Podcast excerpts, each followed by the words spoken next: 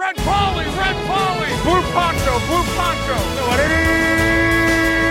You're the hunter or you're the hunted. We came here to hunt. Blue, clear. White 25. Let we go. Riley! Riley! You know what time it is? Ja, men då ska vi hej och hjärtligt varmt välkomna till Endzones avsnitt 66. Wildcard-veckan. Jag heter Erik Lindroth och med mig har jag David Davy Andersson och Anders Engström. Eller snarare så har ni med er mig idag. Hej på er! Ja! Äntligen! Gud vad kul det är att vara alla tre igen. Vad skönt att vara tillbaka. Det är, Vi har inte hört av dig sedan eh, 1992. ja, hösten där ja. Och det har precis börjat snöa.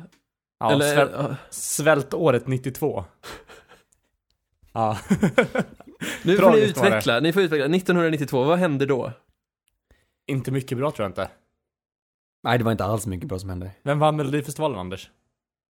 Eh, ja, det kan väl ha varit eh, någon sån här eh, Tommy Körberg? Tycker Svensson. om mig? Nej? Ja, 92, var inte Carola? Nej, det var 91, Fångad av en stormvind. 92, vem kan det ha varit? Jag vet inte. Vem vann lo- Vasaloppet då? Ja, men det gjorde ju Torgny Mogren. Största sannolikhet. Nej, det gjorde han inte. Jag vet inte. Nej. Jag, jag, jag har signat upp för Vasaloppet nästan. Eller liksom, eh, vad heter det? Tagit i hand på det i alla fall. Du det. Första söndagen i mars, eller? Stä- Stämmer. Eller ska du åka öppet spår? Spår? Öppet spår är tanken. Ja, jag Men i år Men 20, eller 2021. Ja, 2021, okej. ja, i år har jag kört ungefär två kilometer så jag, jag har inte riktigt... Men det är inte mycket snö att åka på heller. Nej, det är sant. Vi har väl alla varit hem om under vintern nu. Bara för att, så att folk vet att vi har varit hem om. Ja. Jag har, fått, jag har haft båda er på besök. Det har varit trevligt hörni. Mm. Hörrni, ni- det här trodde ni inte. Vet ni vem som vann 92? Det var Christer Björkman själv. Han vann med Imorgon en annan dag. Oj, Christer klassiker. Björkman. Klassiker. Är det han dansbandssnubben? Tänker du på Christer Sjögren nu? Ja, det gjorde jag. Christer Björkman, det är han som är överhuvudet av hela Eurovision nu för tiden. Han har skrivit, skrivit jättemånga bidrag också. Har han det? Ja, jag tror det. Känns, Det det, kan jag inte svara på. känns som han har gjort det. Programledare 92 var Adde Malmberg och Claes Malmberg. Okej, så det är alltså Melodifestivalens Roger Goodell. Medan, vad heter han, Anders Gesson är Melodifestivalens Bill Belichick eller något sånt. Alltså det är så rätt. Det är så sant. Vilken bra jämförelse. Ja, det, det trodde jag inte. Nej, verkligen inte. Att du har den på uppstuds. Sjukt. Innan vi går in och pratar om de här wildcard-matcherna, som vi inte alls har hintat något... Men skitsamma. Då har du en lista, Anders, som vi ska börja med. Ja. På sjätte plats, Jan Ottosson, Åsarna IK. Ja. Ja. Han som vann Vasaloppet. Nej, jag ska prata om, eh, Men jag har sjätte fem plats här. var det ju. Är ni beredda? Ja, topp Ja. top fem. I, idag blir det topp fem, Härliga samtalsämnen. årets genombrott. Oh. Ja, vi pratar NFL förstås. Och bara för, har- för klartecken här, det är alltså alla årskurser som du Inga tänker nu. rookies, eller? Ska rookies vara med? Inga rookies, man måste ha varit med i minst tre år för att få komma in på min lista. Det är alltså Ja, okej. figurer som har hållit sig lite i bakgrunden och först i år blommat ut. Jag tycker om när spelare har varit med i flera år och sen ändå får bli så här stora som man hoppas att bli. Att man inte ska behöva vara bra på en gång. Och på femte plats har jag ingen mindre än Free Safety i Denver Broncos, Justin Simmons. Mm, ja. Den Välförtjänt. gillar vi. Ja, Du lät inte är helt alltså övertygad ändå. Jag? Ja. Ja, jag hade tänkt att han skulle vara högre, men... eh, jag, Jag väntar får bara tills du får höra de andra. Ja visst. Mannen är alltså född eh, 93, han draftades 2016 av Denver. Eh, men har inte riktigt synts, men kan det ha varit Vic Fangios ankomst i stallet som gjorde att han blommade ut till slut? Kanske du har en bättre vinkel på detta David? Nej, precis. Han draftades 2016 när vi fortfarande hade Darian Stewart och TJ Ward där. Men sen så fick TJ Ward lämna följande år och Darian Stewart startade då samtidigt som Justin Simmons. Men Simmons har väl aldrig riktigt tagit steget fram, fram tills att Fangio började nu. Och grejen är att Simmons är ju en sorts safety som inte riktigt syns så mycket, för det han är väldigt duktig på är pass breakups. Han är inte den flashiga, säkande eller liksom turnover-genererande safetyn som så att säga en Jamal Adams är. Och, Nej, och då har han ändå eh, saftigt antal eh, interceptions i år va? Två, tre, fyra stycken va? Mm, precis, men han har nästan 14 pass defenses. Så det, eller pass breakups, så det är, han jobbar i det tysta right. liksom. Han gnuggar. Ja, ska, ska sägas då, det här är hans kontraktår, eller så. Tror du han blir kvar? Det tror jag. Det har uttryckts väldigt mycket intresse från Broncos-sidan att ha kvar Simmons. Men sen är väl frågan, uh, safety-marknaden är ju ganska ostabil måste man säga i våra nuvarande tider. Och frågan är om Simmons kommer kräva en högre prislapp än vad Broncos är villiga att betala för en safety. De älskar Simmons, men de kanske inte är lika sålda på att sänka massa pengar i en safety. Nåja, ja, han verkar vara en härlig snubbe. Jag sätter mina pengar på att han stannar. Fjärde plats, en annan safety, denna gång i Minnesota. Det är Anthony Harris. Ja, just det. Ja. Äntligen. Det här är en kul historia. Han är alltså odraftad. Eh, han är född 91, eh, signades 2015 och har hållit sig i bakgrunden på något sätt. Eh, bakom sådana som Harrison Smith och Mr. Sendejo. Men den här Sendejo, han eh, flyttade, bytte lag inför säsongen och Anthony Harris kliver fram och vilken dundersäsong han har haft alltså. Han ledde ju Interception-ligan med mm, sex stycken i år. Mm. Spelar free safety då. Radarpar, han och Harrison Smith. Det är väldigt kul att se. Mm. Väldigt duktig safety. Och lite lik ändå Justin Simmons måste man säga. Jag, jag hade faktiskt kunnat sätta dem hur som helst på vem som skulle vara före den andra. Men ja, Harris är en otroligt ja. duktig spelare. Ja, jag, säger, jag ska inte säga vem som är bäst av dem. Jag tyckte bara han hade en lite roligare historia. Det är ett större hopp här. Från det hade inte antal, som Harris har gjort. Det hade inte antal interceptions med i beräkningen på, på listan, eller? Nej, men han har ju utmärkt sig på det viset också. Jag tycker Anthony mm. Harris, god kille. Vi såg honom nu senast i helgen mot, ja, det kan vi glömma. Ja. Tredje plats. Darren Waller, tight end, Oakland Raiders. Ja, ja. Den är självklar alltså. Mannen har haft problem med missbruk, som jag förstår det. Han är född 92, eh, spelade college i Georgia Tech. Draftades av Baltimore som en wide receiver 2015. Hade lite problem, startade inte särskilt många matcher. Blev senare avstängd. Men nyktrade till, togs upp av Oakland Raiders, konverterades till en tight end och spelar nu ljuvlig fotboll. 1145 yards på 90 receptions i år. Och han ledde ju deras anfall på sätt och vis. När var det de plockade upp honom? De plockade upp honom, om det var slutet av förra säsongen, det var någon gång under förra året. Så han har varit mm. där en stund i alla fall, men han har ju inte spelat så mycket. Han har liksom inte varit i skuggan av Cook liksom sådär. Ja, det är möjligt. Han startade ju, nu ska vi se. Han spelade fyra matcher förra året också. Okej. Okay. Mm. Men han hade ingen eh, primär roll. Just det. Och grej, det jag tyckte var väldigt häftigt med just Darren var när man såg Hard, eller Hard Knocks. Just den här självinsikten som han verkade ha under scenerna med, med han, när han berättar om sitt, ja, sitt missbruk och liknande. Så alltså, han framstod som en person som verkligen har insett vilka misstag han har gjort och försöker korrigera dem. Det kul att se ja, att det blommar ut. Ja, extremt ödmjuk också. Han verkade bara så tacksam för möjligheten han hade fått. Mm. Verkligen, och det är otroligt kul att se att han hamnar i ett system som är så pass generösa mot tight som Grudens system ändå är. Ja, ja hyvens man. Hoppas det går bra framöver också. Andra plats. Edge Defender i Tampa Bay. Shaquille Barrett. Den här svider David, eller hur? Det gör ju inte det. Det, det är väl tråkigt, det tråk, är det tråkigt? Shaquille var Nej, en jättebra spelare för Broncos i en eh, rotationsförmåga då, för vi hade ju våra två starters redan satta. Men det måste ju, jag är bara glad att han kom någonstans där han kan göra eh, liksom, där han kan påverka direkt. Men att ja, nästan dubbla våran bästa säkare i antal sacks i år är väl inte det roligaste att se, nej. Ja, men visst. Han vinner alltså säkligen med 19,5 sacks. Tidigare under karriären har han haft som mest fem och en halv. I rotationsrollen då i Denver. Och nu plockas han upp av Tampa Bay. Och vilket, ja vilken explosion. Det trodde man inte. Ja, imponerande. Du är inte beredd att säga att du hellre hade haft kvar Shaquille Barrett än att drafta Bradley Chubb? Uh, Nej, men vi får väl se hur det utspelar sig. Jag tyckte att de gjorde rätt då.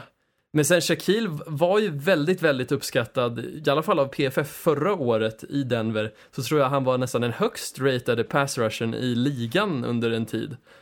Så jag menar, han, han Denver i alla fall har i alla fall vetat att han har varit bra länge, men jag trodde aldrig ja. att han skulle vara så här bra när han kom till Buccaneers. Spelade i Colorado State på college-nivå. Ja, där har vi då. Det kan inte Bufflarna. vara många spelare från Colorado State. Uh, Philip Lindsay är en av dem. Sen finns det någon eh, det. receiver också. Just det, Juwan Winfrey. Också, nästan alla kommer från Denver också. Eller spelar i Denver. Ja, vad gulligt. Ja, vad gulligt. Det är hemmapojken. Ja, ja, ja. Farmarlaget. Ja. Det är ju en självklar etta på listan. Ni kanske kan gissa vem det är som eh, dyker upp här. Eh, Chris Godwin, eller? Nej, quarterback. Ah, ah Ryan Tannehill. Ryan Tannehill. Mannen är född 1988. Mannen draftades av Miami i första rundan som nummer åtta. 2012 har hängt kvar, harvat sig fram i Miami, men det har aldrig riktigt funkat. Man har sagt, nej men det, han är på gång, han är på gång, han är på gång, han är på gång. Byter lag, hamnar bakom Marcus Mariota i Tennessee Titans. Marcus Mariota spelar kast, han hoppar in och tar laget till slutspel. Det är fantastiskt vilken säsong han gör. Ja, det är galet. Helt otroligt. Jag tycker att det var... Jag kan inte säga att någon förutspådde detta. Nej, jag tyckte att det var en blunder att ta bort Mariota, för jag har ändå gillat honom, men... Ack så fel jag hade! Oj, oj, oj. Ja, samma här. Alltså, man pratar ju mycket om narrativ i fotboll. Jag menar, det här kan man ju inte riktigt skriva själv. Det här är helt otroligt att någonting sånt här kan hända. Och jag undrar nästan, vad, vad hände i Miami? Att de inte kunde plocka fram den här sortens Tannehill? Är det han själv som likt Darren Waller har mognat till sig? Eller är det att han äntligen är fri från... eh, Han sy- Han höll sig tillbaka i Miami, han ville inte sticka ut för då, han ville inte vara kvar. Det var det.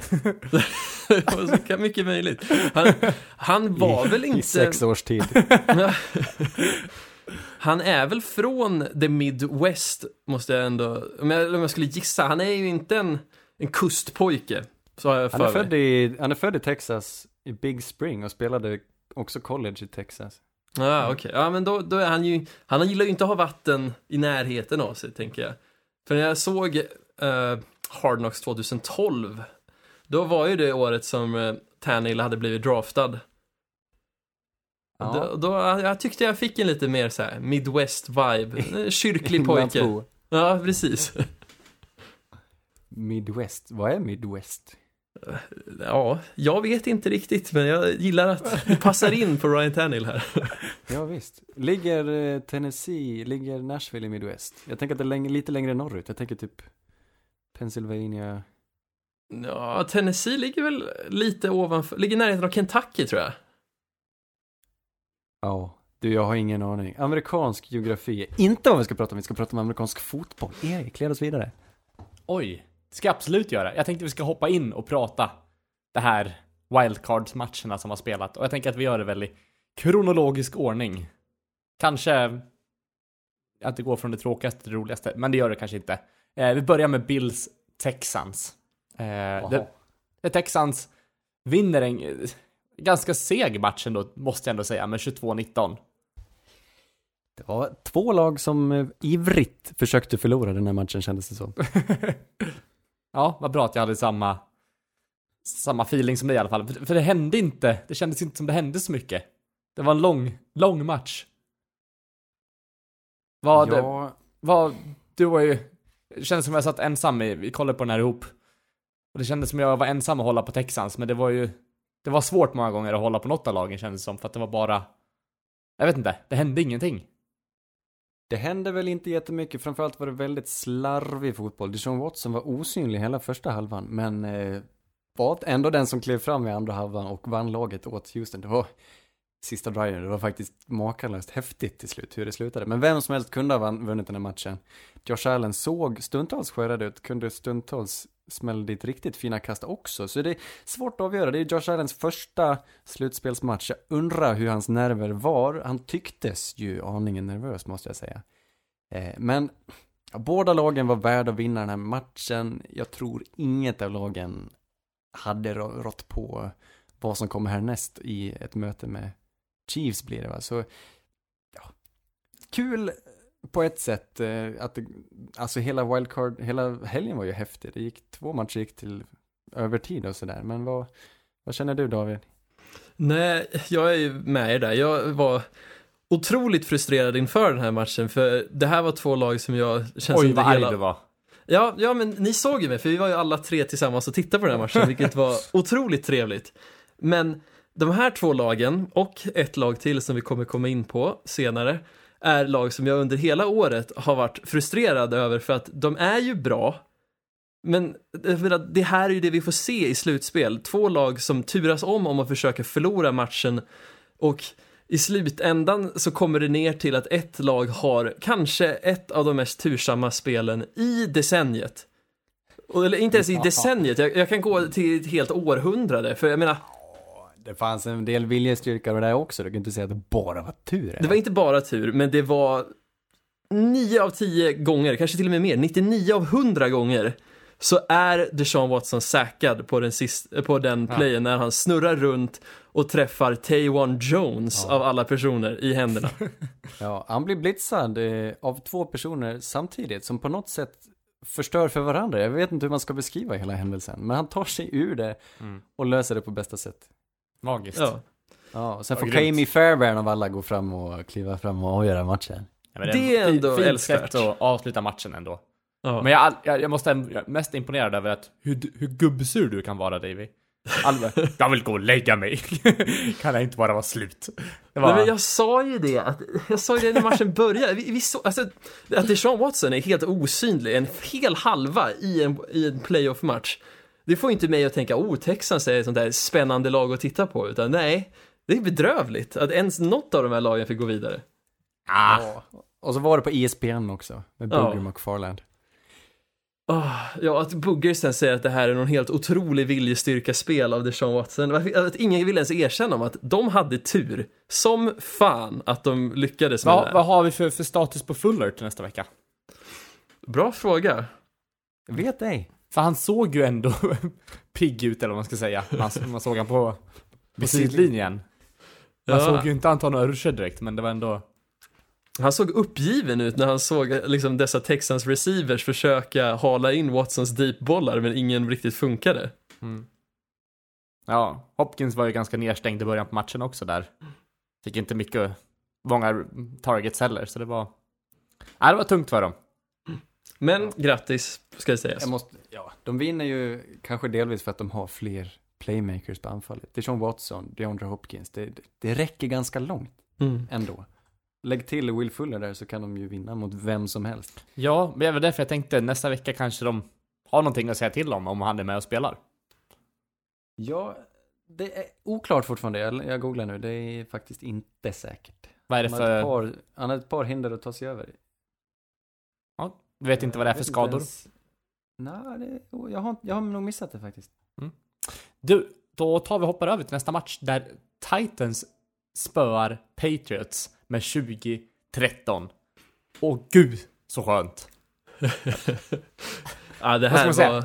Siffrorna är väl inte så talande för matchen egentligen. Det, det skiljer ett poäng i slutet när det är bara några sekunder kvar. Och Patriots lär börja chansa lite så att de Tom kastar en, eh, en pick six där precis i slutet på matchen. Mm. Eh, men eh, ja, det här är väl en årets största skräll. Om, om man hade sagt det här i, i liksom pre-season att Patriots åker ut mot Titans. Ingen hade trott det. Nej, nej verkligen inte. Speciellt när det kändes som så mycket skulle gå rätt för Patriots i år, just med hur deras lag såg ut och liknande. Men Ja, sen... när eh, Antonio Brown anlände, då tänkte man att nu är... Ja, precis. De, de räddade upp det, men sen stack han och sen har det bara gått sämre och sämre. Ja, ja, de är ju den här så kallade bilen som sakta tappar bitar längs med vägen och så. Och när de väl kommer till slutspelet nu så är de ett lag utan någon sorts kemi med rece- mellan receiver och quarterback. De har ett sjudundrande defense men som samtidigt så finns det film på dem under ett helt år nu och folk hittar svagheter på dem. Och de är nog kanske inte så bra i, rush, i run defense som de skulle vilja vara. Och det såg vi Nej, här. absolut inte. De, det, har ju, det har ju varit en brist senast, ja men hela säsongen. De har ju aldrig rätt ut det där. Varken framåt eller bakåt. Springspelet har varit tufft och de flesta lagen som jag, när jag har tittat, har kunnat springa mot Patriots. Både Browns gjorde det, Ravens gjorde det och sen Derrick Henry kunde de inte göra någonting åt. Helt fantastiskt var Mm. det. Ja, han Nej, var helt- precis. Helt ostoppbar. Ja, 207 yards tror jag. Det är, alltså man skulle kunna, jag trodde det var ett stavfel. Eller nå, nå, någonting hade varit fel i statistikförningen när jag läste det här på morgonen. Att Derrick Henry har liksom quarterback, ja, alltså quarterback-antal med yards medan Ryan Tannehill har liksom 73 passing yards.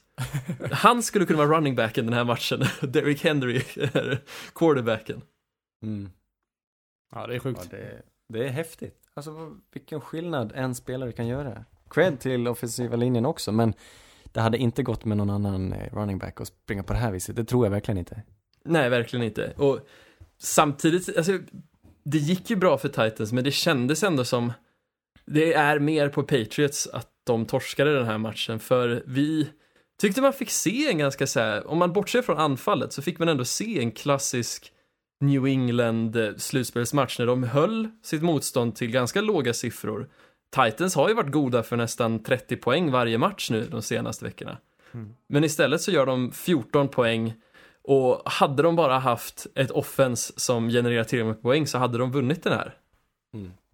Ja, men alltså de, de har inte materialet i år. Så svårare än så är det inte. Jag vill inte Men hur mycket material på någon saknar de enskild då? individ. Mm. De saknar ju en vettig tight end, några vettiga receivers. Jag menar, jämför det med de andra stallen liksom, receivergrupperna i andra lag så är de här sämst i slutspelet. Och jag, det är inte konstigt att det inte går bättre. De har inte lyckats spela ihop sig heller. Och det har varit väldigt, väldigt, väldigt, väldigt många skador. Mm. Ja, men precis.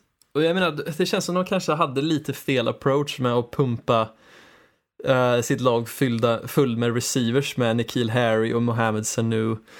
Det kändes Jag tror kanske... ändå det, det är bara att det inte, de, de bara hittade inte rätt. Så skulle jag säga Mm. att det. De var ju desperata och hade Mohamed Sanu funkat bättre så hade det varit schysst. Och hade Anthony Mm. Brown funkat bättre hade det varit schysst. Jag vet inte om de ångrar sig att de släppte någon, men det, det, det har bara inte, det har skitit sig lite.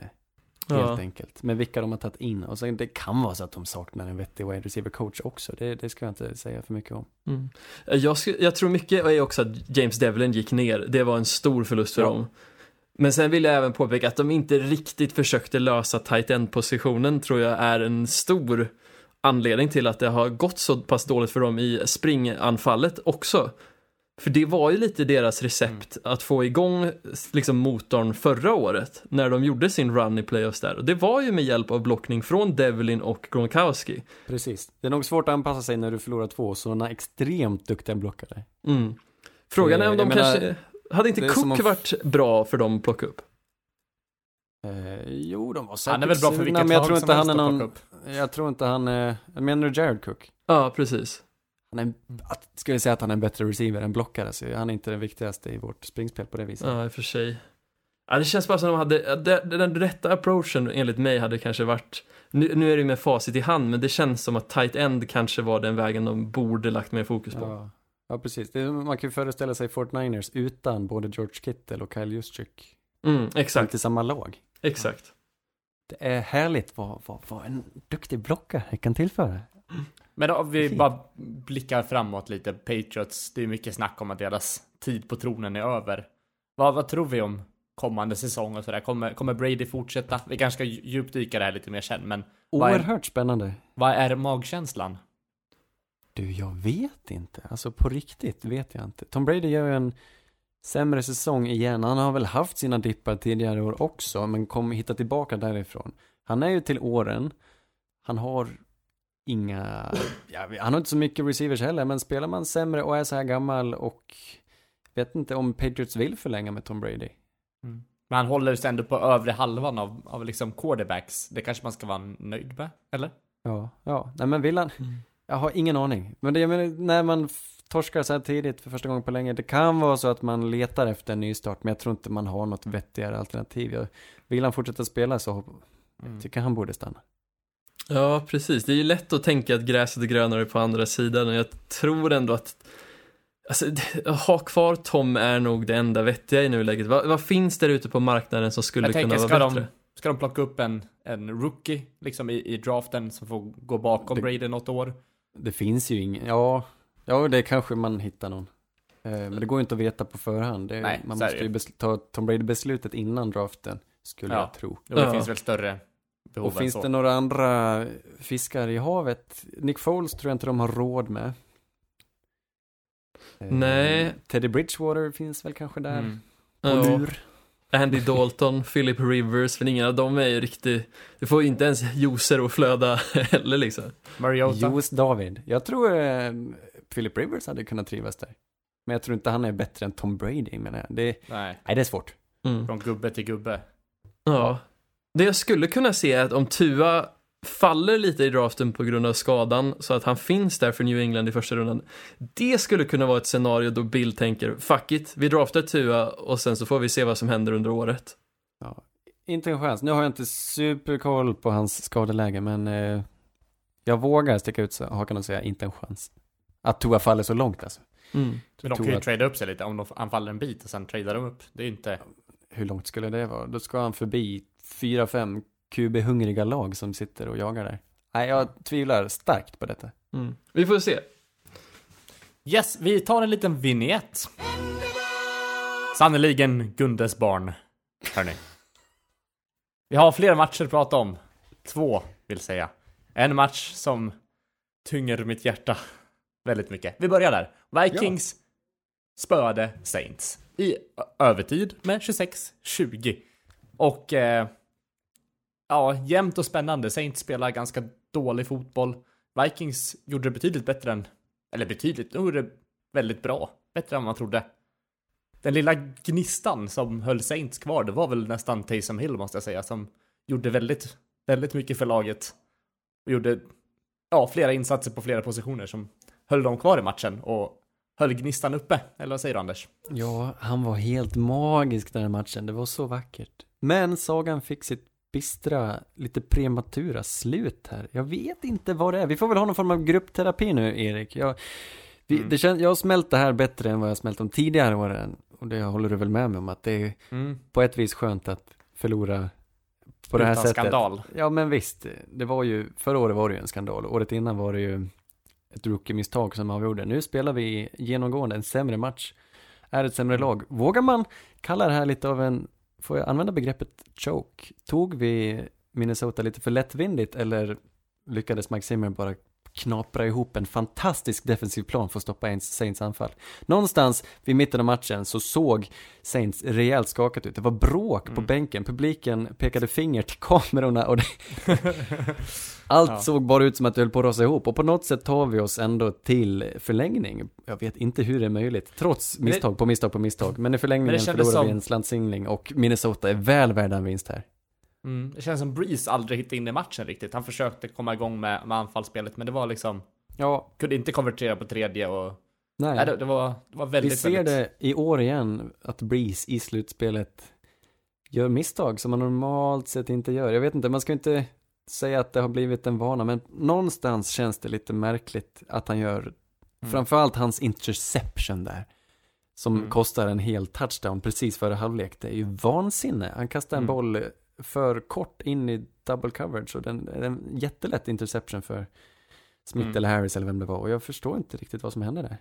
Och även den här fumble som han gjorde i Ja, slutet på matchen också, som eh, var väldigt kostsam. När vi Ja. är i field goal range också tror jag. Till och med när han... Och Ja, det är märkligt. kvittera matchen. Ja, Det var lite sorgligt, men det är inte bara han som gör en dålig match. Eh, Så det det, försvaret håller oss ändå, jag måste berömma försvaret på många plan, gör en väldigt fin match. Men anfallet var nervöst, skakigt Mm. och eh, framförallt beröm, stort beröm till Minnesota och den planen de hade och Mm. vad de deras gör. pass, pass rush var ju väldigt, Helt väldigt bra. Och fantastiskt väldigt vad effektiv. Emerson Griffin och Daniel Hunter när de jobbar tillsammans. Mm. Det är så vackert, de är ett radarpar, de är en jippohäst och det förstör för Saints totalt. Mm. Ja. Verkligen. Vilken... Eh, Vad känner Ja. du David? Medlidande eller skadeglädje? alltså, det började ju den här dagen, innan matchen ens hade börjat, med att jag skickade en massa giffar på ikoniska Saints-förluster och, och tyckte det var, li- det var lite kul att vara, att vara lite retande och så. För jag tänkte, jag tr- tänkte ju verkligen att Vikings inte skulle ha någon chans mot Saints. Vilket de förmodligen inte skulle ha haft heller om vi hade fått se ett Saints som firade, alltså som spelade på, vad heter det? Firade på alla cylindrar, säger man det? Firade, Eh. tände, ja visst. Tände på alla cylindrar, säger vi. Eh, och det hände ju inte. Och under matchen så kände jag ju hur min, liksom, ah vad kul det är att gnabbas lite. Det blir ju mer att, ah, till en ångest när jag känner, ah, det här var ju inte bra. Vad, vad har jag gjort? uh, jag har pratat någonting till en sanning. Och jag tycker, all cred ska ju gå till Vikings. Men samtidigt så, jag kan inte hejda, alltså jag lider med Saints för det här är ju Det kändes som en... vårat år lite grann. Det är nu vi ska vinna på något sätt. Exakt, exakt. Det fanns så mycket som pekade mot att det skulle gå långt, långt in i slutspelet. Mm. Och att, vad var det, ni snittade ungefär 40 poäng varje match de sista 4-5 veckorna. Och sen kliver ni in i slutspel och det händer ingenting. Nej. Och det fanns ju saker som pekar på det. Jag menar, Alvin Kamara har ju stått för ett lite sämre år än, än vad många hade som förväntningar. Och han var ju en av era nycklar året innan. Han och Michael Thomas på att ta över matchen. Någon av dem måste, måste funka. Och det gjorde oftast en av dem. Mm. Men i år så hade ni bara en och att det är den enda gången som det inte tänder är i playoffs. Det är tråkigt. Mm. Men ja, det var, tråkigt. jag tror också att det var liksom att Breeze fick för lite tid i fickan också, vilket inte eller gjorde att han inte kunde kasta till Thomas lika mycket som, som vi önskar. Ja, mm. det hände ju i mitten av säsongen när vi mötte Atlanta Falcons också, att vår o-line helt plötsligt, att mm. det gick att skrima mot den och hitta på saker för att ta sig förbi.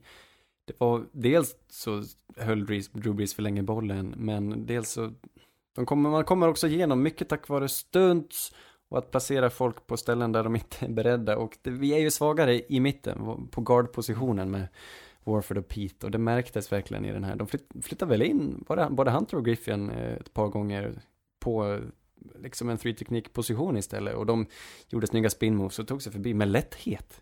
Mm. Eh, Exakt. Och någonstans var det där det föll. Vi var inte beredda på det och kunde inte ställa om heller. Och att Ramchick sen släpper till det som resulterar i en strip och fumble på Breeze. Det är tråkigt också. Jag menar, Ramchick har men varit det... så bra under hela året att det här sen händer, det är, ja. Mm. Ja, det har varit lite upp och ner, men sen, ja, det var ju dålig, liksom, han hade ju tänkt att kasta, hade ju, hade, hade svårt att hålla ögonen på liksom båda två där. Mm. Eh, så, så Någonstans... honom hela tiden. Så det är dålig ball security också. Ja, det är det. Han ska, ju inte, han ska ju inte tappa den där. Någonstans är det lite vackert när individuella prestationer får så stor innebörd. Både de här två mm. Eh, edge-spelarna men också Dalvin Cook är tillbaka som running back i Vikings och han är underbar att se på. Mm. Med sån lätthet och smidighet. Hans, hans, hans knyck, hans, eh, hans vändningar. Han, han ligger liksom en millisekund före alla andra försvararna och tar sig förbi. Det ser ut som att han springer rak linje, men han gör små, små rörelser i sidled och han, jag vet inte om han sprang upp i 100 yards till slut, men det var riktigt, riktigt fint att se. Har han det rätta knycket? Ja, det han sannolikt. ja, men vilken spelare. Det är hans säsong Verkligen. Mm. Mm. Han har ju varit kärnan för deras lag och att sen också få tillbaka stilen som lägger till ytterligare ett hot på utsidan. Det kändes som det var upp, som upplagt ja. för att Cook skulle ha en bra match Och där. Kirk Cousins klappade inte ihop. Är också Exakt. här. Även i, alltså just i förlängningen där. Det är, där, det är han som vinner matchen åt dem. En mm. bomb till Adam Thielen och sen en läcker bit till eh, tight i, i hörnet där. Nu kommer jag inte ihåg vad han heter. Rudolf. Rudolf. Ja, Rudolf. Ja. Mm. Dock well, ja. måste man ju ge en liten bajsmacka om man säger så till Kyle Rudolph som är den första som intervjuas efter touchdownen som avgör i övertid. Och det är en solklar offensive pass interference han gör. Eller Nej, kanske inte solklar, men ah, han vet, vet att han har gjort något fel där. Och sen liksom... Nej, det tror jag inte. Ja, men han pratar som att han visste att han hade gjort någonting fel, för han vill inte benämna att det här var designat för han. liksom, ah, Nej, men grej... Ja, grejen är att man skulle aldrig kunna overturna en sån, ett sånt beslut. Det hade ju varit om de dömde det på planen och sen reviewade mm, men jag tror ja. inte att har de dömt en touchdown på det så tar man aldrig bort det. Ja, även. Precis. Och jag tror att det är ändå lite surt. Jag menar publiken blir galen, publiken slänger in massa saker och säger att det ska vara en flagga. Och Saints fans är något eh, översensitiserade. Överkänsliga för eh, domslut och är hungriga på vad som helst nu. Och det börjar bli uttjatat någon gång, mm. eh, jag vet inte. Det är, jag vet inte. Vi ber om ursäkt kanske vi ska säga då, för alla Saints-fans vägnar. Nej, det är klart man är frustrerad och förra mm. året var det uppenbart. Den här, det här året så förlorar vi inte på grund av domarna. Och någonstans är det bra, jag är nöjd. Det är precis, alltså grejen är att jag är fine med domslutet och så. Det jag inte är fine med är den här bristen på sympati som Kyle Rudolph uppvisar i den här intervjun. Ruskigt oskön alltså. Att han inte bara kan säga bara, ah, jag trodde jag skulle få en penalty, men fan det gick ju vägen så Ja. det är vad det är liksom. Det var nära Han- många gånger, men eh, föll på ett målsnöret där. Mm. Mm. Ändå fått någonstans tacka för underhållningen. Det är så kul att följa ett lag och bli så uppjagad. Det är få saker jag känner så starka, starka känslor för som i en sån här match. Och det, Saints är ett kul lag att heja på. Synd, eh, även, man får tacka för de tråkiga känslorna också. Det var ganska roligt, vi satt och kollade på den här matchen ihop du och Anders, och du for som ett popcorn i soffan, du snurrade runt. Och jag kunde inte sitta still så jag gick fram och tillbaka i rummet och var helt söndernervös. Ja, det var mysigt. Ja, mysigt. Sista matchen som spelades, det var Seahawks som mötte Eagles. Där Seahawks vinner med 17-9. Eh, Carson Wentz går ner och blir skadad i första quartern. Eh, McCown kommer in och gör en eh, högst medioker insats. Men det är väl inte så konstigt med de förutsättningarna. Vad säger vi i övrigt, Davy? Ja, eh, ja, det här var en match som jag blev så otroligt frustrerad av för jag tycker inte Seahawks levererar en bra match. Den som levererar en bra match, det är Russell Wilson och till viss grad DK Metcalf. Men att det här laget gång på gång på gång på gång har den här otroliga jävla turen, förlåt att jag svär, men alltså, Vänta bara, snart är de i Super Bowl. matchen- Förmodligen, för de har ju någon sorts gud som vaktar deras varenda steg. Att de ska, att Carson Wentz som är liksom, det är Eagles, han är John Elway i Denver, det är han som bär det här laget vart de än går. Och att de sen smäller ut honom från matchen i första kvarten och att de, och att sen att de inte vinner med typ 30 poäng. Hade de vunnit med 30 poäng, fine, okej, det händer. Men att de sen vinner med 17-9, skämtar ni med mig? Det är svårt att möta Eagles, David.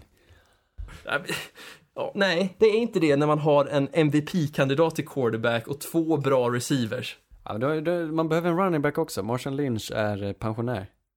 Ja, och att det här jävla den- pratet om Marshall Lynch också. De måste förlora nästa vecka. Nu, förlåt, nu lämnar jag över. Det är svårt att Det springa med roligt. rullator. När man ser Marshall Lynch, han, när han, hans stil på planen, jag får sån här feeling när man gick på högstadiet, någon var på gympan i mjukisbyxor och Iron Maiden t-shirt. Han ser lite så slapp ut i kläderna.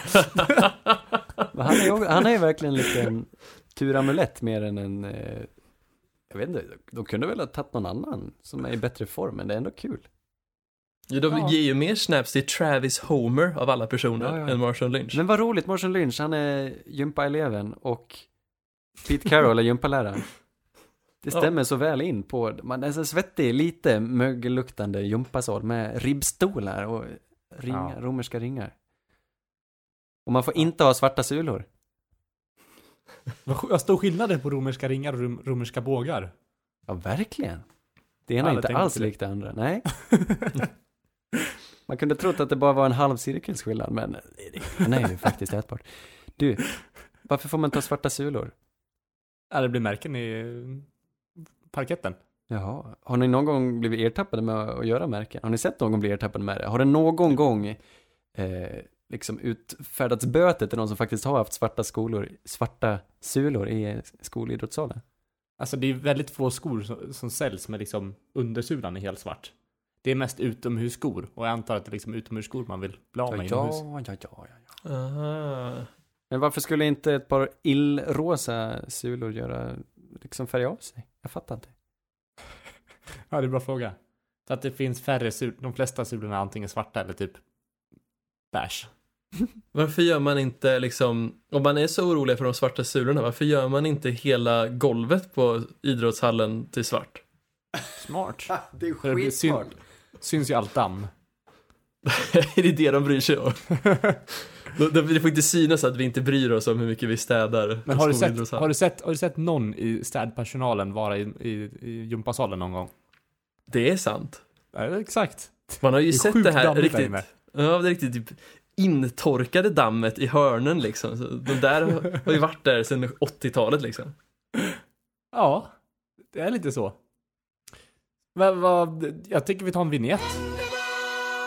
Sannerligen underbart. Den kringresande tränar cirkusen rullar vidare och eh, folk sparkas höger och vänster och folk anlitas också. Två nya signings har skett just idag, faktiskt. Eh, vi börjar i Carolina Panthers, där de har hittat en ny tränare. Det är Matt Rule, tidigare, eller ja, senast eh, huvudtränare i college i Baylor. Är det någon som vet någonting om Matt Rule? Vad känner ni inför detta? Eh, positivt ändå, Matt Rule är ju en, var ju han tränaren som faktiskt styrde om skutan för Baylor som var på väg lite ner på dekis liksom och sen har de vänts om och blivit bättre och bättre för varje år som Matt Rule har varit tränare där.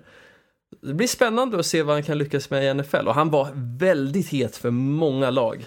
Förlåt, förlåt. Jag har undrat över detta i ett års tid, men jag har inte kommit för mig att fråga. Vad betyder dekis?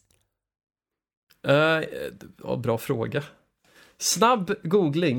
Vet du Erik? Vad är dekis? Nej, har du alltså- hört uttrycket? Man har hört uttrycket, man har varit lite på dekis. Ja, alltså, jag, jag har hört er säga det, men jag känner inte... Nej, jag tror faktiskt aldrig jag har slängt mig med det, om jag ska vara helt ärlig. För eftersom att jag också varit lite osäker i- i vilken, när det används. Det är, om jag skulle använda det skulle jag hoppa lite i galen tunna kan man säga. Dekis? Nej, jag var bara intresserad.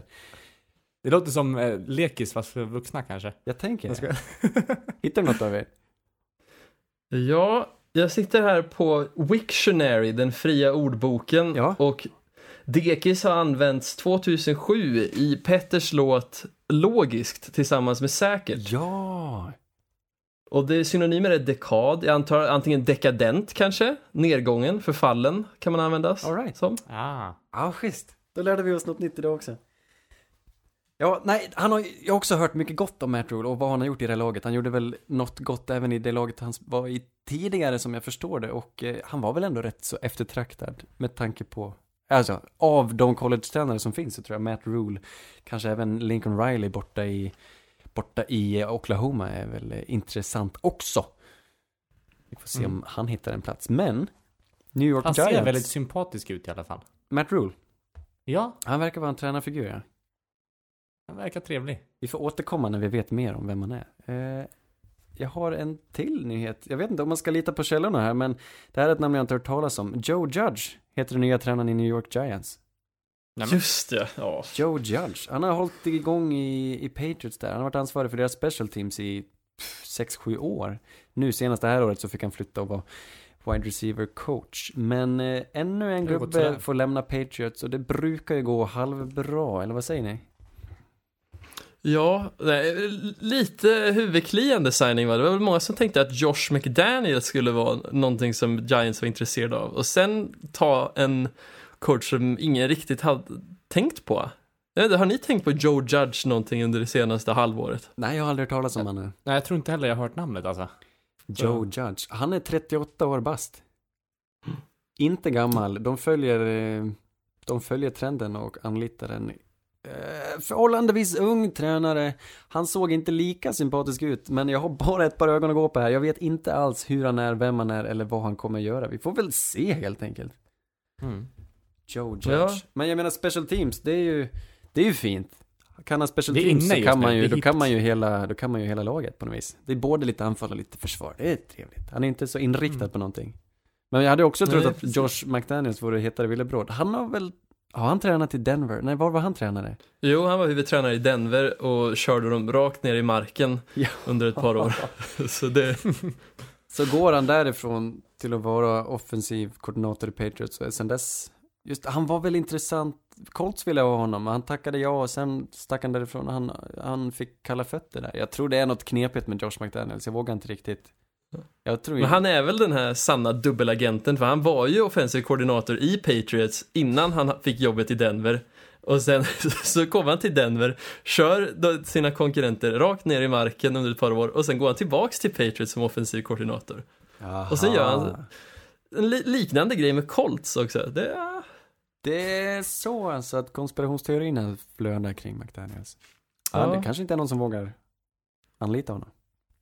Kanske, men han var väl också, grejen var ju att han lämnade, han var ju nästan klar med Colts att, att träna där. När Bill Belichick kallade in han i ett rum och vi vet ju inte riktigt vad som sades där. Men efter att han kom ut där så ringde han ju och sa att nej jag kan inte vara tränare för Colts. Jag undrar ju om han kanske är den Blackmail. som kommer... Nej men det är någonting som jag tror som är kopplat till Patriots. Du som tror att han är kommer ta över efter Belichick? mycket möjligt. Ja, ja. Eller Är det, någonting men är det, är det Belichick som kallar in honom i ett rum? Du ska ta över efter mig. Det, är väl inte hans?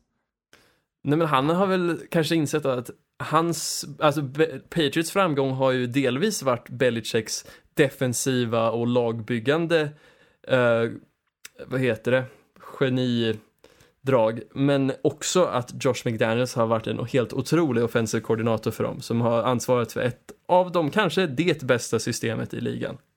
Ja, han är ju riktigt vass på det viset. Ja, ja. Det, jag var förvånad, jag visste inte vem Joe Judge är, men snart vet vi mer. Det här var jag också Mm. lite förvånad över. Borta i Cleveland Browns var man nöjd, eller snarare missnöjd med John Dorsey som, eh, som general manager, som sportchef. Han får, han blir sparkad alltså, John Dorsey. Märklig. Jag tyckte verkligen de borde ha stannat med Dorsey. Jag vet inte, någonting, han lär ju inte ha kommit överens med ägarna, någonting är fel. Det han är duktig på, det han är känd för, det är hans ex- otroliga värvningar. Vilka stjärnor, det- vilka stjärnor han hittar och får till laget, men han fick ju inte vara kvar i Chiefs heller. Han jobbade ju tidigare som GM i Kansas City Chiefs och där verkade också allting frid och fröjd tills han helt plötsligt sparkades. Jag tror han kanske har lite oortodoxa metoder och eh, vill styra väldigt mycket och det verkar inte ha gått ihop med ägarna. Så vem som har rätt i det här, det vet jag inte. Men jag är överraskad. Jag tyckte han gjorde det bra. Det är möjligt att han är dålig på att hantera pengar. Ja, Ja, det kan är ett- vara... Dysfunktionellt lag om man kollar med facit i hand. Eller? Ja, men är det hans fel? det? Ja, men det är väl han som har hand om signingarna tänkte Ja, jag det säga. är sant ja. Ja, det är sant. Så, ja. Han har kanske ingen liksom- känsla för person utan bara för, för eh, talang. Nej, Mm. han är väl den som inte tittar på liksom moralmätaren när han bygger sitt lag i sitt favoritrollspel, om man säger så. Han kör det här, eh, de gör alltid reklam för The Masked Singer på, på NFL där. Han kör liksom The Masked Player, så han vet bara hur de spelar, vet inte hur de är som personer eller någonting. Ja, det hade väl varit så Dorsey ideellt hade opererat, bara ha massa kattmasker på sina spelare. Men ja, det känns bara som att det är för tidigt. Varför inte ge Dorsey tre, fyra år och verkligen se hur han bygger sitt program? För det är det man gör. Även om det är NFL så är det fortfarande college-snarlikt på sportchefpositionen där du ansvarar för rekrytering och sätta upp en kultur och organisation och det gör man inte på två år. Mm. Han kanske var så förtjust i Freddie Kitchens då att han, eh, Solidaritet. han kanske protesterade när de sparkade Kitchens och så fick han gå också. Ja, Mm. det Ja, här mycket är möjligt. Browns, Browns. Så eh, överhypade inför säsongen och nu måste de börja om på helt ny kula. Mm. Var kommer det ifrån Anders? Du, det vet jag inte. Kan vi googla till nästa vecka? Ny kula? Det var ju, det var, jag gjorde ju en fettsugning där jag kände mig, jag behövde gå Ah, ner i det, vikt för att få en ny, eh, få en ny chans i livet. Så nu har jag Ja. börjat på en eh, ny kula. Ja, och Ja. det blir en Tuborg i handen. tar jag med an nya utmaningar. Bruce Allen, det här glömde vi säga, Washington Redskins. På tal om dysfunktionella organisationer, Bruce Allen, GM, sportchef, där fick också till slut gå. De vinkade farväl till honom. Eh, och Ron Rivera har dessutom nu blivit satt som ny coach där. Men detta var vi beredda på. Ja. Men Dan- Ron Rivera är ju en bra signing. Dock känns det ju lite som att Daniel Snyder står där bakom busken liksom och sk- skade, alltså, skadeglad över att folk bara, oh. sina händer.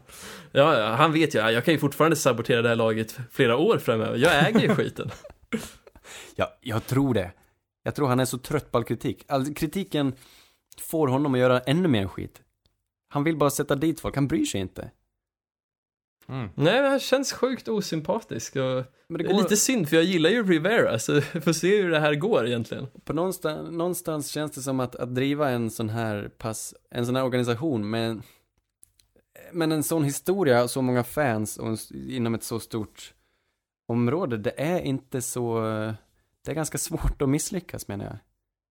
Du, den här organisationen är ju värd många, många miljarder och det är ju svårt att få den att sjunka i värde ändå. Så eh, han kan göra vad han vill. Nej, det är sant. Ja. Det, Dock finns det är det ju inte ganska... som att vara vd för vilket företag som helst. där Vartenda litet snedsteg kan eh, få dig att sjunka i konkurrensen. Utan här har du Washington. Du har Washington Redskins med sin historia och NFL som Mm. du inte ens, du är inte med och sköter NFL. Det är där som skon skulle kunna klämma. Vad tänkte du säga? Nej, jag tänkte om man tittar bara på laget, är inte det här en ganska attraktiv plats? De har en quarterback som verkar lovande, de har många spännande unga spelare på plats. Det känns ju som att det här är ett lag som du själv kan forma lite, men det finns mycket lovande bitar redan. Mm. Nej, jag hoppas att det ska gå bra. Alltså, jag tycker också om deras lagbygg, eller ja, spelarna i laget tycker jag. Tycker om Ron Rivera, hoppas det går bra för honom. Jag är lite orolig för att han inte ska få göra som han vill dock. Det är sant.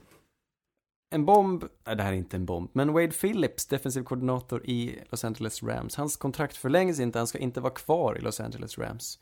Vad beror detta på? En fantastisk eh, försvarsguru på något sätt, ett av de här stora monstren som kan, jag vet inte, det är inte många som eh, är mer högt aktade än Wade Phillips vad gäller försvar. Vad tycker du David?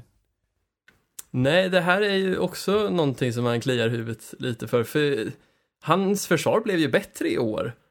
Och jag undrar om det, det är ju lite likt i Denver 2016 när han fick lämna där efter en ganska bra säsong från försvaret, men som också var definierat av en hel del konflikter mellan just anfall och försvar i omklädningsrummet. Och jag undrar om det kanske inte är en blandad orsak av att han är ganska dyr att ha och att han kanske är den som spär på lite konflikter mellan just in, inom laget, mellan de här två. Låter Sidorna. jättekonstigt. Nej men alltså det var en jättestor grej i Denver 2016. Eh, Mm. för vi hade ju ett jättebra försvar då. Men Mm. vårt anfall var jättekast och det var bråk och det var ja, massa sånt. Jag Han- undrar om Wade Phillips, även om han kanske inte syns, är en orsak till detta. Han är ju väldigt gammal i gamet. Han kanske är för gammal helt enkelt. Kanske det här till och med var hans sista jobb. Jag vet inte hur motiverad man är egentligen. Vad, vad man tycker är roligt. Han, jag vet inte hur gammal han är, men det känns som att han börjar närma sig 70 kanske. Vad har du någon känsla över det? Han är väldigt gammal. Han, eh, han såg väldigt gammal ut 2015 så han har inte blivit yngre. Men Ja, samtidigt Han är så... 72. Oj. Oj, ja. Han är ju en av de bästa defensiva koordinatorerna i ligan, måste man väl ändå säga. Han är alltid på sitt, på sitt topp-game. Ja, på tal om osköna gubbar. Vi glömde nämna det, men Tom Coughlin, han som styr och ställer i Jacksonville Jaguars, han eh, var ute i ordentligt blåsväder och fick till slut lämna organisationen. Eh, ägaren fick helt enkelt nog och det var väl skönt, men Doug Marone ska stanna som head coach. Så lite förnyelse sker här, men inte så mycket som vi hade hoppats kanske. Nej, precis. Dave Caldwell får stanna också, deras sportchef. Jag hade velat att de skulle rensa huset här. Ja. Men skönt att slippa Tom. Coughlin. Märklig historia. Tom Coughlin, jag tror han var deras första huvudtränare och Jacksonville Jaguars. Jag vet inte, de bildades väl någon gång i början på 90-talet och det gick ju fantastiskt bra. Överraskande bra för att vara en expansionsfranchise. Sen gick han ju över och tränade Giants och ledde dem till två Super Bowls av någon anledning. Sen dess, eh, Mm. ja, då, då, då, då är det svårt att inte få nya anställningar tänker jag med den resumén. Men eh, han var inte riktigt, eh, jag vet inte. Han gav väl ut massa straff eh, till spelare för minsta lilla grej och det, det, var, det var dysfunktionellt på hög nivå här och jag undrar om inte han var en stor anledning till det. Ja, jag tror definitivt att han är det som fick laget att kollapsa året efter de gick så pass långt i slutspelet. Att han är väl inte den lättaste att ha att göra med när laget börjar gå dåligt och då känns det som att det är mycket negativ feedback. Mm, vad kallas det? Mörk spiral? Negativ. Negativ spiral. Går det dåligt så går det sämre med Coughlin, men han är nog ganska bra på att få disciplin i laget med hans ja, kontroversiella sätt att ja, bötfälla spelare. bestraffning och sånt där också. eller? Ja, ja, ja. Han är ju inte den som tvekar på att rada upp dem nakna och spola dem med högtryckstvätt liksom. Ja, det är mysigt. Du, Wade Phillips är son till Bum Phillips. En Mm. gammal, han gamla klassiska tränare, han i cowboyhatten. Vad lustigt, det visste jag inte. Nej. Men jag tycker, jag är lite sårad att du säger att Wa- att Wade Phillips är oskön. Han är ju Det har jag ingen väldigt aning om. skön måste jag säga. Han är Eh, jätteskön ska ni veta. Det lät bara som att han spädde på, när du sa att han spädde på eh, konflikter. Det lät ju inte superskönt. Ja, det, det, jag, det ska klarifiera att allt man har sett i kamera med Wade Phillips så verkar han jättetrevlig och är en av de godaste gubbarna i NFL. Ja, ja, Men bakom tack. stängda dörrar kanske det är så. Det är jättebra att du säger det Anders.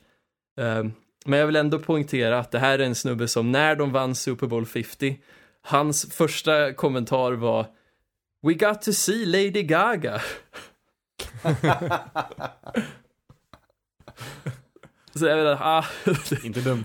Men Så att prioritera. Dallas Cowboys är tränarlösa. Officiellt. Jason Garrett är borta. Erik, Men kommer är du det sakna hans ögon? Ja, det är klart. Med Mike McCarthy. Ja, just det! Det glömde jag säga. Mike McCarthy tar över. Den gamla Green Bay-coachen. Förlåt. Det, det var lite konstigt beslut. Eller? Ehm, Snacka om dekis. ja. ja, ja, vart ska detta bära? Jag vet inte. Mike McCarthy. Han Det känns har väldigt dock- traditionell. Ja, Mm. extremt. Lite för. Men man undrar om det faktiskt stämmer, för det har ryktats om att eh, McCarthy har tagit det här året och kollat upp allting som har med analytics och grejer att göra. Och tydligen så ska han installera en 21 personer stark eh, analytics-stab på cowboys nu. Så det, ja, jag vet inte fan, det, vi får se vilken McCarthy vi 21 får. personer. Ja, Jag läste åtta, men okej. Det kanske krävs så det många. kanske var åtta. Excel. Vänta. Ja, Excel, jag tänker lite machine learning går säkert att få in. Visst, Du hade kunnat jobba där. Det hade jag kunnat. Det är sant. Det hade jag nästan velat. Frågan är om jag hade velat ha McCarthy som boss dock. Ja, det är tveksamt alltså.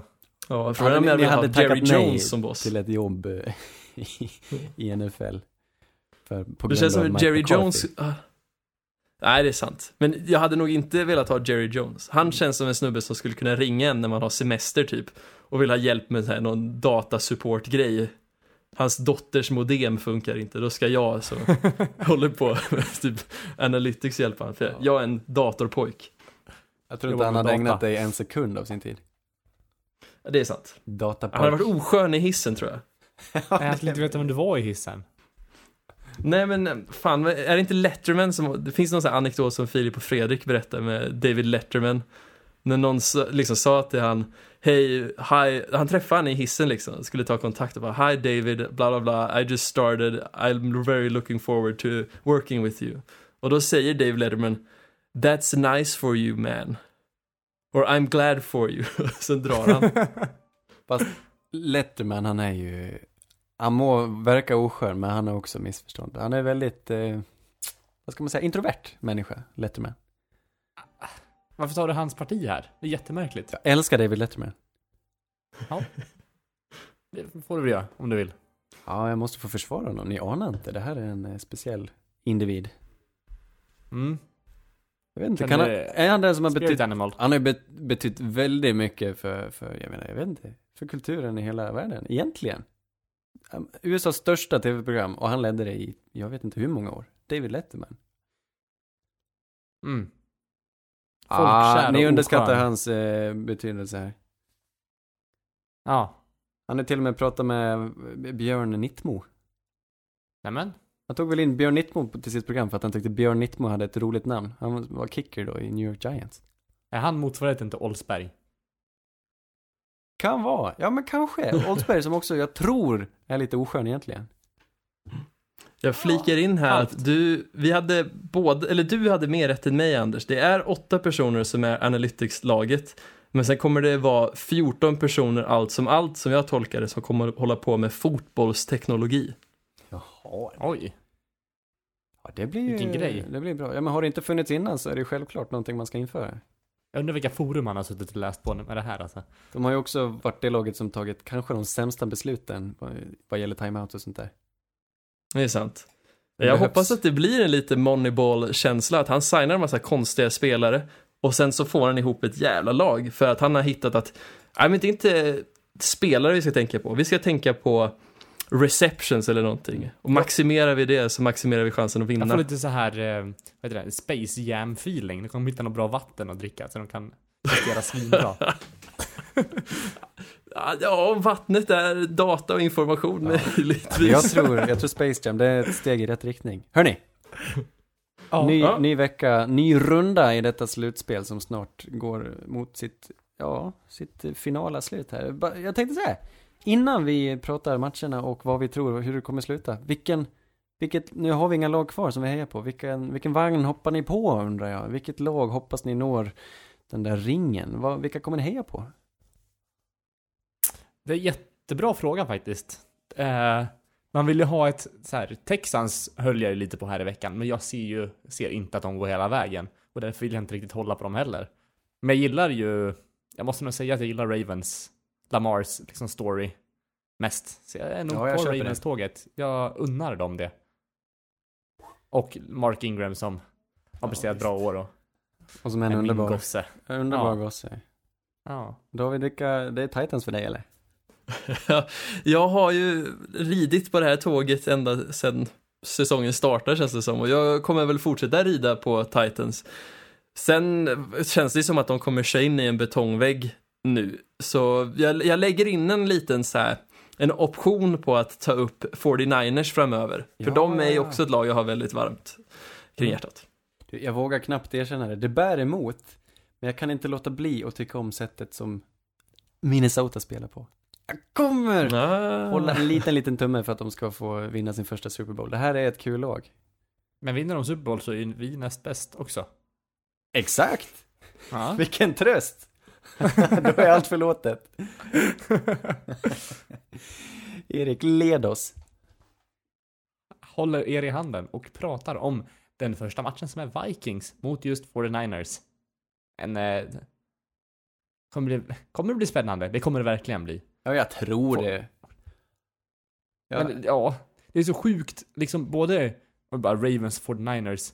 De trodde vi inte skulle prestera så här bra den här säsongen. Det fanns ju inte på kartan. nej. Och nu är de blytunga favoriter. Ja, vad snabbt det gick. Verkligen. Den vändningen. Men eh, tror vi Vikings har en, en chans? Det har de va? Jag tror inte det. Jag tänker, de hade ganska mycket problem med Saints eh, front seven. Och nu får ni i princip en likvärdig front seven fast som är mycket, mycket duktigare på pass rush. Jag tror inte det här kommer bli en lätt match för Kirk och för hans offensiva linje. Nej. Nej, det håller jag helt med om. Jag håller också med. Jag tycker 49ers ska anses vara favoriter. Jag tror, jag tror Vikings kan ha någonting. Jag tror att Thielen och Dix kommer få visa upp sig ändå. Och Dalvin Cook. De Mm. kan göra mycket offensivt. 49ers ska vara favoriter. Jag tror 49ers kommer vinna ändå. Eh, De bör. Kommer Jimmy klara pressen då? Bra fråga. Bättre än Kirk tror jag ändå. Han har gjort det hittills. Precis, och samtidigt så känns det som att Shanahan eh, kan maskera och gömma sin quarterback lite med hans scheme. Och frågan är, alltså Sim, jag tycker ändå Shanahan, Stefanski och vår allas favorit Rick Dennison har varit duktiga på att maskera Cousins lite också med hjälp av Cook. Jajamän. Men Ja, ja, ja. det känns ändå som light-varianten till alltså premium-versionen som är Ja. 49ers. Frågan är alltså, det är ju en helt annan sak att spela slutspel och det kommer nerver och vi såg att Saints inte kunde hantera pressen.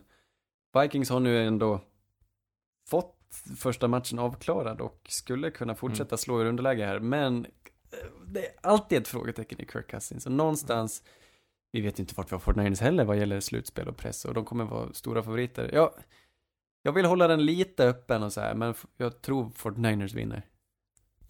Det som är lite roligt är ju ändå att 49ers inte, de vilar ju inga spelare på samma sätt som typ Ravens gjorde förra veckan, eller för två veckor sedan. Mm. När de inte hade en, en plats klar på, så de har, ju bara en vecka vilandes. Ja, det är I alla sant. fall. Ja, absolut. Men det är Så, ja, lite, det är mer än lite vad, farligt vad med vila också. Ja, ja. Man har fortfarande Ja. bara en veckas förberedelse. De vet ju inte, visste ju inte att de skulle möta Vikings direkt. Jag tror de var beredda på ett annat lag. Hybris.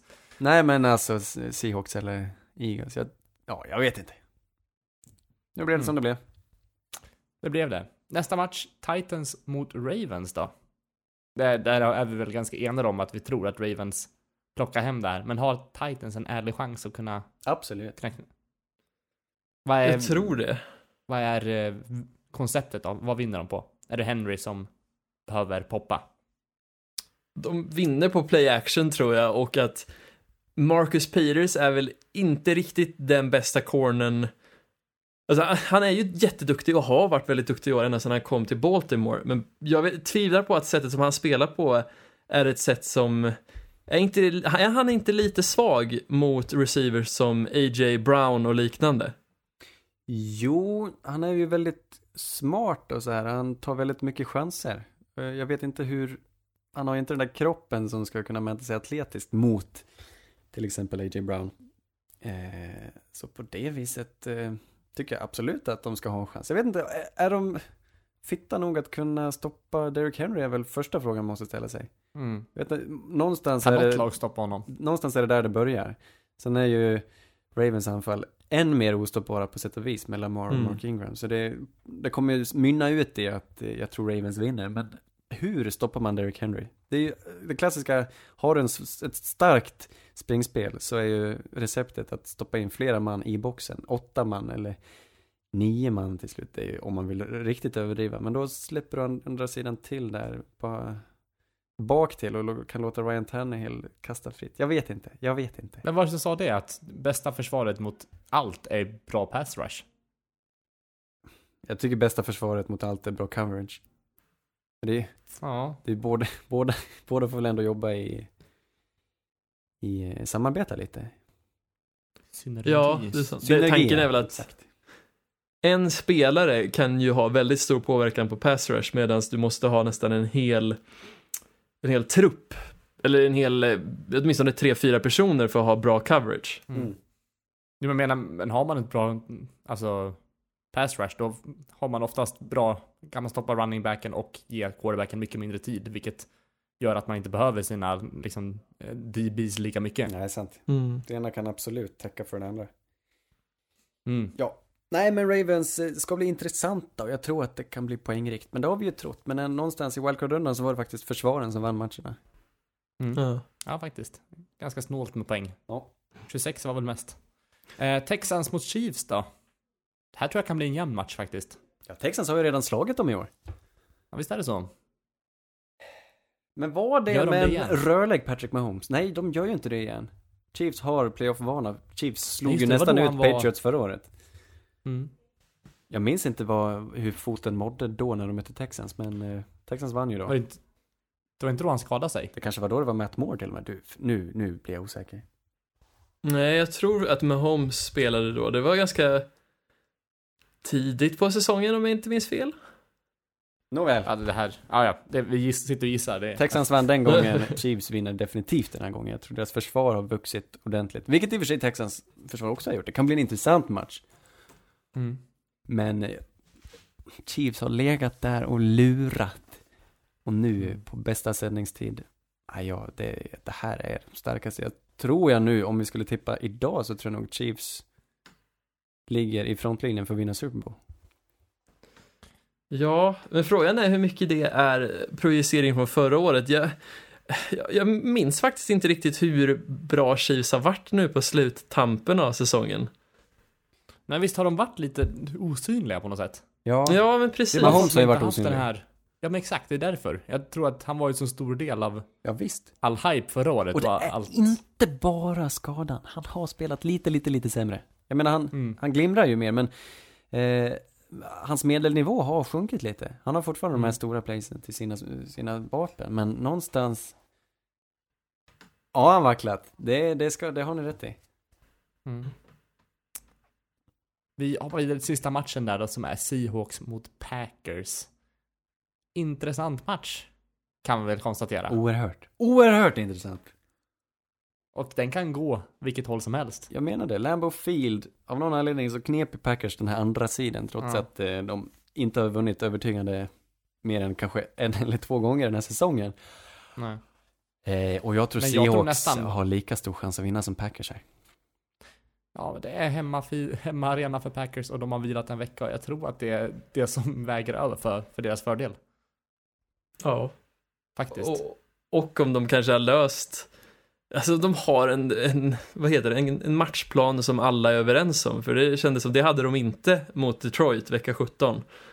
Och det är någonting som de verkligen måste ha nu om de ska ta sig över ett hot som Seahawks. Jag menar det, och nu är det slutspel, det är nu det betyder som mest. Och då gäller det att allting, allting, allting ska klaffa. Det är bara, det är till slut bara ett lag som kan vinna. Och det som behövs då är ju också någon form av gnista mellan din quarterback och din tränare, eller din playcaller. Och Lafleur och Rogers.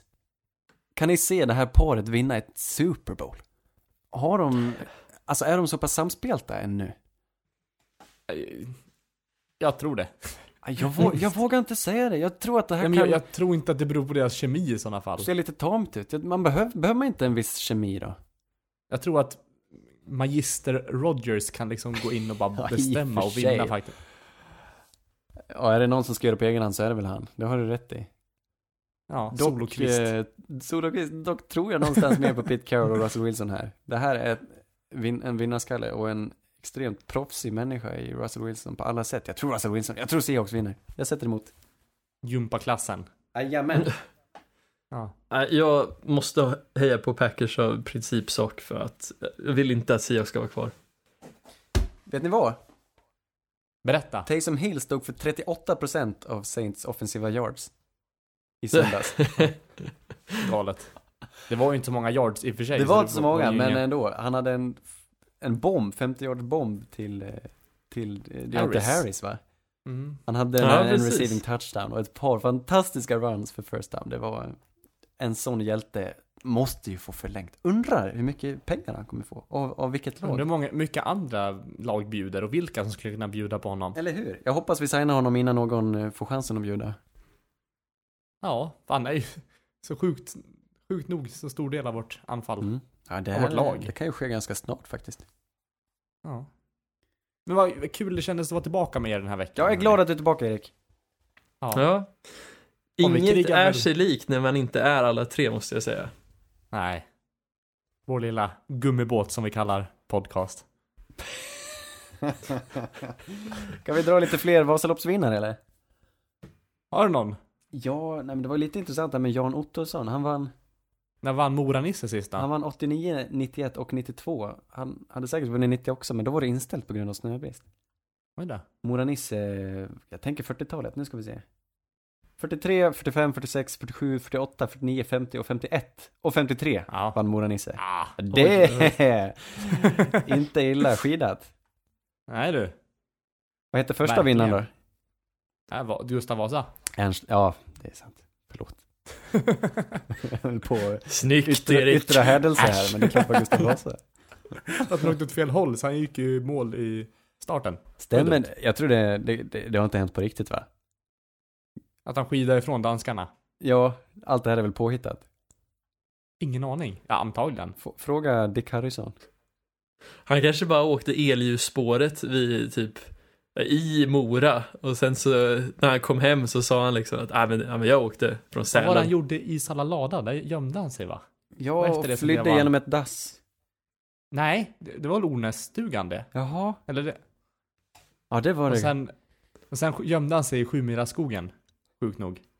Det är sjukt det här egentligen. Det det är obekräftad eh, historia som vi lärde oss som om det var fakta på låg och Ja. mellanstadiet. Även på högstadiet. Det var väl först på gymnasiet någon, någon historielärare sa till mig att eh, nej men det här är ju, det är ju helt, det här är ju inte sanna uppgifter. Det här var ju ned, röven, nedskrivet av Gustav Vasa själv. Ja, som var så sympatisk människa. Ja, var Gustav Vasa var den första skaparen av fake news. Ja, han är, ja, Trumps föregångare. först. Har inte Gustav Vasa lite Trump-aura ändå? Ja, men det har han Känns det som det? Det har inte vunnit Nej. en svensk sedan 2012. Oj. Jörgen Brink var den sista svensken att vinna Vasaloppet. Det här måste vi få ändring på. Erik! Ta tag Ja. i det här nu. Kan inte du Det är vinna? dags att, step, det är dags att steppa upp nu. Men det var väl allt vi hade att bjuda på den här veckan. Vi avslutar med en liten historielektion också. Mysigt. Vi blir tillbaka nästa vecka, blir antingen måndag eller tisdag beroende på väder och vind. Eh, tack för att ni lyssnade. Puss och kram. Hej! Red Polly! Red Polly! Blue Poncho! Blue Poncho! You're the hunter or you're the hunted! We came here to hunt! Blue! Clear! White 25! Let we go! Riley! Riley! You know it's